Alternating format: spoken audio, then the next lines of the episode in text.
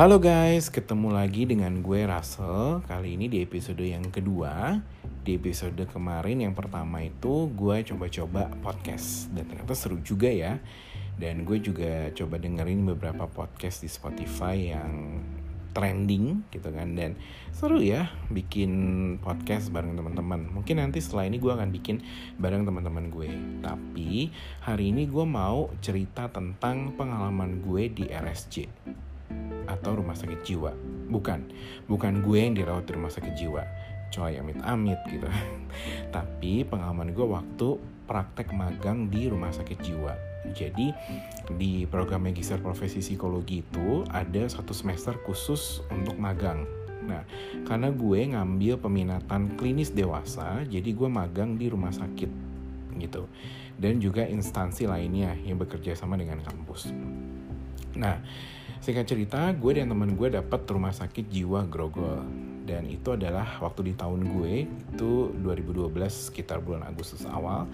Itu ada kali pertama kampus gue bekerja sama dengan RSJ Grogol. Sehingga kita belum dapat informasi apa pun tentang lokasi di situ gitu. Dan gue dan teman gue ada orang pertama di angkatan gue yang praktek di situ. Prakteknya, prakteknya waktu itu kurang lebih sekitar dua bulan. Nah, ngapain aja sih prakteknya? Jadi di prakteknya itu kita harus ketemu dengan pasien, kita pilih salah, satu pasien, kemudian kita lakukan wawancara, kita gali tentang kehidupannya, riwayat penyakitnya, kemudian riwayat kehidupan uh, keluarganya, kehidupan sosialnya, dan lain sebagainya. Kemudian kita lakukan pemeriksaan psikologis, dan yang terakhir kita berikan uh, psikoterapi. Terapi apa yang cocok untuk si pasien ini? Nah tibalah hari di mana gue dan temen gue praktek. Kita waktu itu nunggu psikolog uh, rumah sakit jiwa Grogol itu untuk ketemuin kita dan pingin kita ke dalam ke bangsa-bangsa gitu. Nah di hari itu gue sudah pakai Snelly atau jas putih. Ini salah satu alasan kenapa gue mau ngambil bidang peminatan psikologi klinis dewasa karena bisa pakai jas putih kayak dokter. Kayak itu ih keren banget lah gitu. Gue pakai lah itu Snelly. Idih bangga banget gue gitu kan. Secara gue nggak mampu masuk ke dokteran kan ya gitu kan. Ya udah gue gue pakai Snelly dengan rasa bangga. Ih bentar lagi gue dipanggil pagi dok gitu kan. DOK ya bukan yang lain. Pagi gitu kan terus adalah ketemu akhirnya ketemu sama ibu, ibu psikolognya dan kita mau diantar ke Bangsal untuk diperkenalkan jadi rumah sakitnya itu tuh uh, masuk kemudian uh, ada di tengah masuk di tengahnya itu ada Bangsal lupa gue namanya apa tapi kalau salah namanya Bangsal Perkutut deh Bangsal ini dikhususkan buat pasien-pasien yang dalam tanda kutip belum tenang. Jadi masih sering ngamuk, masih sering lempar barang, masih sering uh, ngomong sendiri dan sebagainya gitu. Kemudian jadi waktu itu pintu masuknya kayak bentuk T, lorong gitu kan, lorong lurus, kemudian ada yang belok ke kanan dan yang belok ke kiri. Kalau yang ke kiri itu ke bangsal pria yang namanya bangsal nuri kalau nggak salah. Nah di bangsal yang sebelah kiri ini tuh pasien-pasiennya sudah tenang karena mereka sudah dapat uh, pengobatan dan lain sebagainya mereka sudah lebih apa ya lebih tenang lah pokoknya. Nah di tengah itu tadi di di kan lorong ini lurus itu ada bangsal itu bangsal nuri dan satu eh, sorry bangsal perkutut dan satu lagi bangsal apa gue lupa. Jadi sebelah sebelahan ada dua yang kiri bangsal cowok yang kanan bangsal perempuan. Nah kemudian ke kanan itu adalah ke bangsal uh, melati. Itu khusus untuk yang wanita bangsa yang pasien-pasien yang sudah tenang. Nah begitu gue masuk lorong itu jadi uh, ibu psikolognya itu sama temen gue jalan di depan gue. Kurang lebih jaraknya ada kali sekitar tiga langkah lah gitu. Gue di belakang temen gue. Begitu gue mau belok ke kanan gitu kan dari jauh gue udah lihat nih gitu kan di bangsa perkutut lurusan jalan gue tuh ada ada pasien-pasien lagi jongkok lagi duduk-duduk lah mereka ngeliatin gitu kan. Ada ada satu satu pasien ini yang yang kalau suster lewat dia manggil dokter lewat dia manggil gitu kan gue nggak notice gitu kan cuman memang terlihat lah gitu kan. Begitu gue jalan mendekati si bangsa perkutut itu tuh orang tuh pasien udah ngeliat gue kayaknya gitu kan. Begitu gue mau belok ke kanan dia bilang dok dok dipanggil gitu kan. Gue pikir kan ada dosen gue atau dokter lain yang manggil gue kan. Gue refleks lah nengok gitu kan. Dan lu tahu setelah itu ternyata tuh pasien bilang dipanggil yang maha kuasa dok dan dia ketawa sama teman-temannya. Gue bilang anjir gue bilang. Itu baru hari pertama gue dan gue udah dikerjain sama pasien gangguan jiwa gitu kan. Mau marah ya. Gimana? Ya namanya juga pasien gangguan jiwa gitu kan. Mau ngamuk-ngamuk kan nggak mungkin kan. Akhirnya gue cuma dongkol sampai gue ketawa asem nih ya ini baru hari pertama gue udah dikerjain gitu gue cuman gue cuman mengkel aja mati gitu kan. Terus uh, besoknya kalau nggak salah besoknya kita diajak untuk ikut namanya kegiatan pendalaman rohani. Nah gue ikut yang pendalaman rohani Kristen gitu. Nah uh, acara ibadahnya berjalan lancar nih Nah pas saat selesai ibadah Tiba-tiba ada satu pasien yang Pasien pria tinggi kurus gitu kan. Tiba-tiba dia langsung berlutut. Dia angkat kedua tangannya ke, ke udara Dan dia uh, Apa ya Mengucapkan doa. Doanya gue gak tahu doa apa. Terus lucu sih. Terus akhirnya ditanyain sama uh, Pembina rohaninya Kenapa? Lagi doa apa? Gitu kan yang gue kaget itu dia tiba-tiba langsung berutut langsung tangannya eh, merentangkan kedua tangannya ke atas gitu kan sambil berdoa gitu. Lucu sih cuman ya ya pasien gangguan jiwa gitu kan. Kemudian akhirnya gue dan teman gue ketemu pasien gitu kan. Sama-sama di bangsal melati bangsal khusus wanita itu. Gue ketemu pasien di situ seorang wanita. Waktu itu gue lupa umurnya mungkin sekitar 50-an dia mengaku sebagai guru bahasa Inggris di sebuah sekolah di daerah Pekanbaru di Sumatera. Nah kemudian gue gue jadikan itu sebagai kasus gue yang pertama. Yang gue inget dari si ibu ini adalah kan kita tuh diminta untuk uh, wawancara kemudian lakukan penggalian atau anamnesa riwayatnya kemudian psikotes dan terakhir bikin psikoterapi tindakan terapi apa. Nah ketika gue mau masuk tindakan terapi ini ibu ini udah bilang bahwa uh, ibu mau pulang besok deh gue cuman aduh gimana ya ini? Gue belum belum menjalankan proses terapi. Sementara itu wajib gitu kan. Dan untungnya gue sempet akhirnya gue sempet jalankan sesi terapi dengan ibu ini tapi baru dua dua kali. Di kali ketiga waktu itu pas gue pagi baru datang dia manggil gitu dek dek sini gitu kan. Ibu hari ini pulang loh dek. Anak ibu nanti jemput. Ibu seneng banget bisa pulang nanti ke pekanbaru lagi ketemu kawan-kawan ibu di sana. Kita kongko kongko gitu. Gue ngeliat raut muka si ibu ini bahagia seneng gitu kan. Cuman dalam hati gue yang ya gimana nasib laporan gue gitu kan. Baru dua sesi belum closing uh, session gitu kan. Belum apa. Gimana ya gitu. Akhirnya hal itu juga gue closing session sama dia. Dan si ibu ini hobi ngerajut. Nah di pertemuan terakhir gue waktu itu dengan si ibu ini si ibu ini ngasih uh, rajutan bentuknya bunga. Dia bilang ini simpen buat adek ya. Makasih ya adek sudah temenin ibu ngobrol di sini. Seneng loh ibu sudah anggap adik sebagai anak sendiri gitu kan. Gue terenyuh juga ya ya ampun gitu kan. Ya sederhana rajutan bunga gitu tapi itu gue simpen ini gue simpan sebagai kenang-kenangan gitu. Nah gue ketemu pasien yang kedua itu juga sama ibu-ibu juga. Gue gak tau kenapa gitu kan.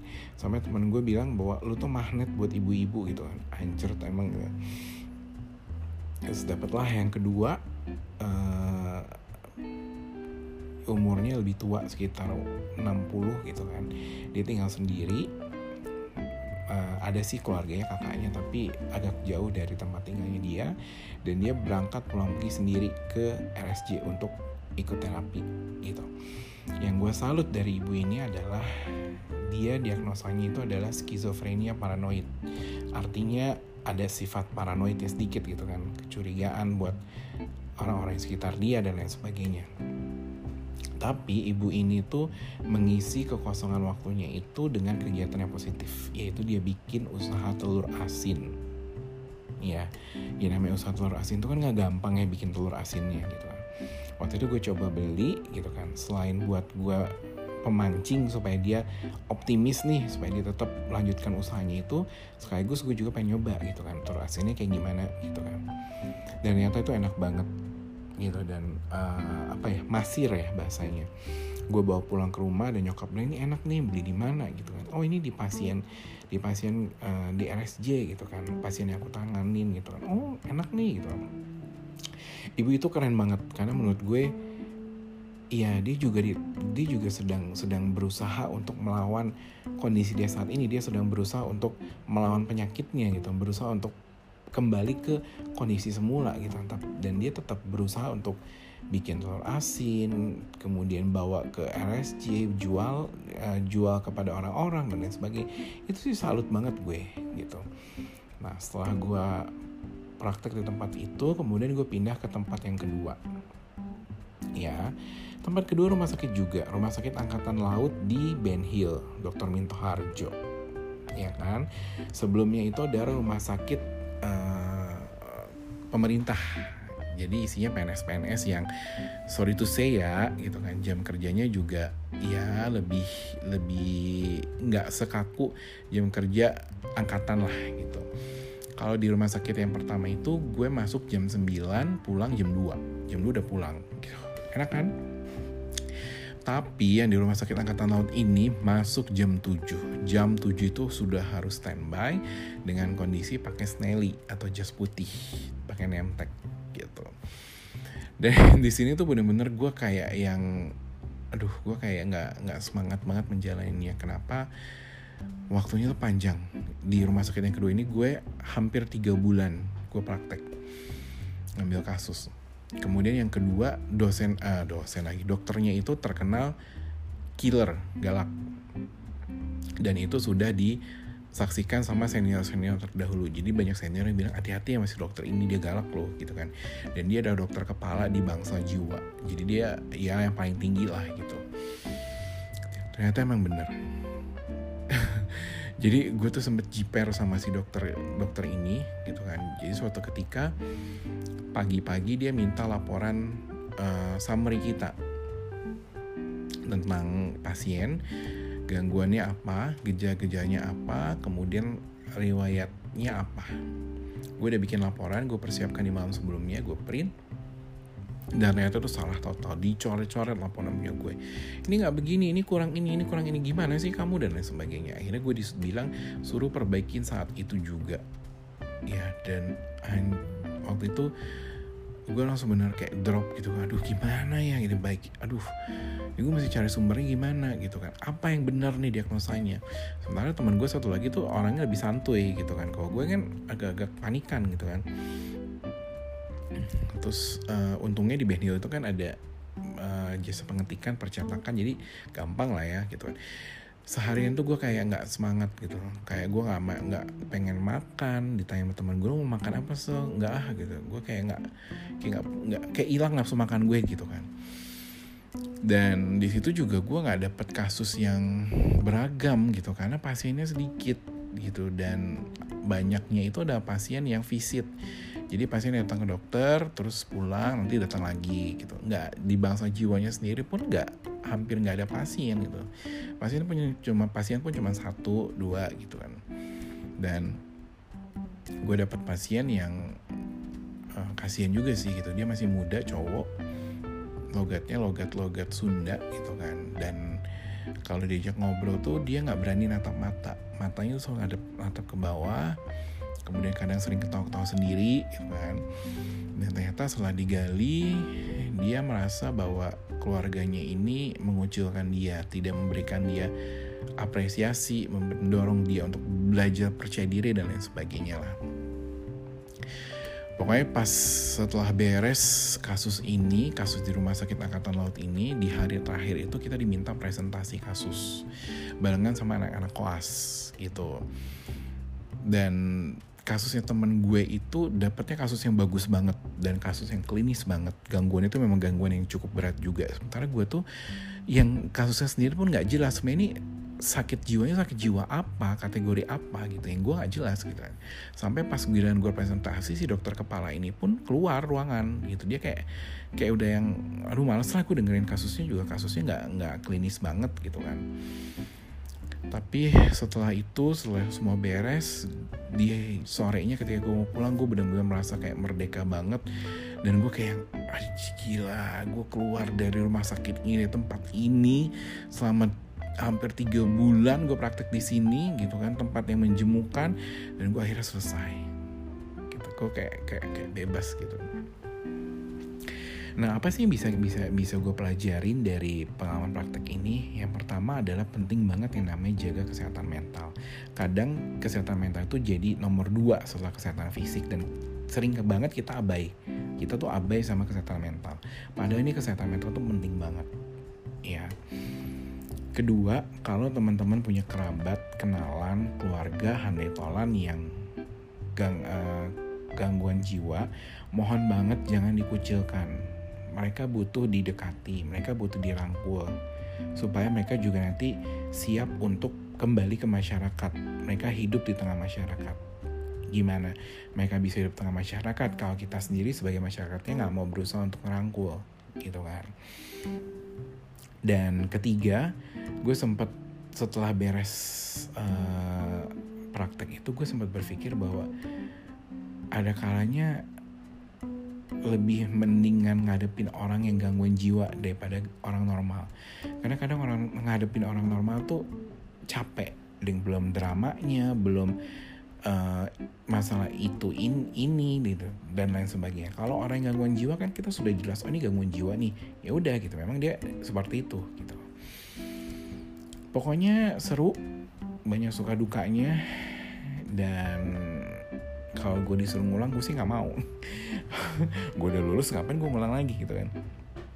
Seru lah pokoknya pengalaman pengalaman di rumah sakit jiwa dan jadi pembelajaran buat gue juga kalau buat nanti teman-teman yang ada mungkin stase atau praktek di rumah sakit jiwa kalian hebat luar biasa gitu kan karena uh, memahami jiwa seseorang itu bukan pekerjaan yang mudah oke okay deh buat hari ini sudah cukup sepertinya gue bercuap-cuap nanti gue akan bawakan topik berikutnya. Yang pasti di podcast ini gue banyak bawain topik-topik yang berkaitan dengan bidang keilmuan gue yaitu psikologi. Hari ini gue bawain tentang pengalaman gue di RSJ mungkin nanti gue akan bawain tentang dunia HR seperti apa. Terus nanti mungkin akan gue bawain tentang tips and trick buat para fresh grade apa aja sih mesti dihadapin, mesti disiapin ketika mau melamar kerja. Nah, nantikan di episode berikutnya ya. Terima kasih guys buat yang sudah mendengarkan, meluangkan waktu untuk mendengarkan. Mohon maaf kalau misalkan gue masih ada kekurangan, gue akan berusaha untuk terus perbaiki. Dan kalau podcast ini berguna buat kalian untuk memberikan insight ya puji Tuhan. Kalau ternyata memang tidak berguna ya sudah nggak usah dengarkan Terima kasih buat atensi dan perhatiannya. Sampai ketemu di episode yang berikutnya. Dadah.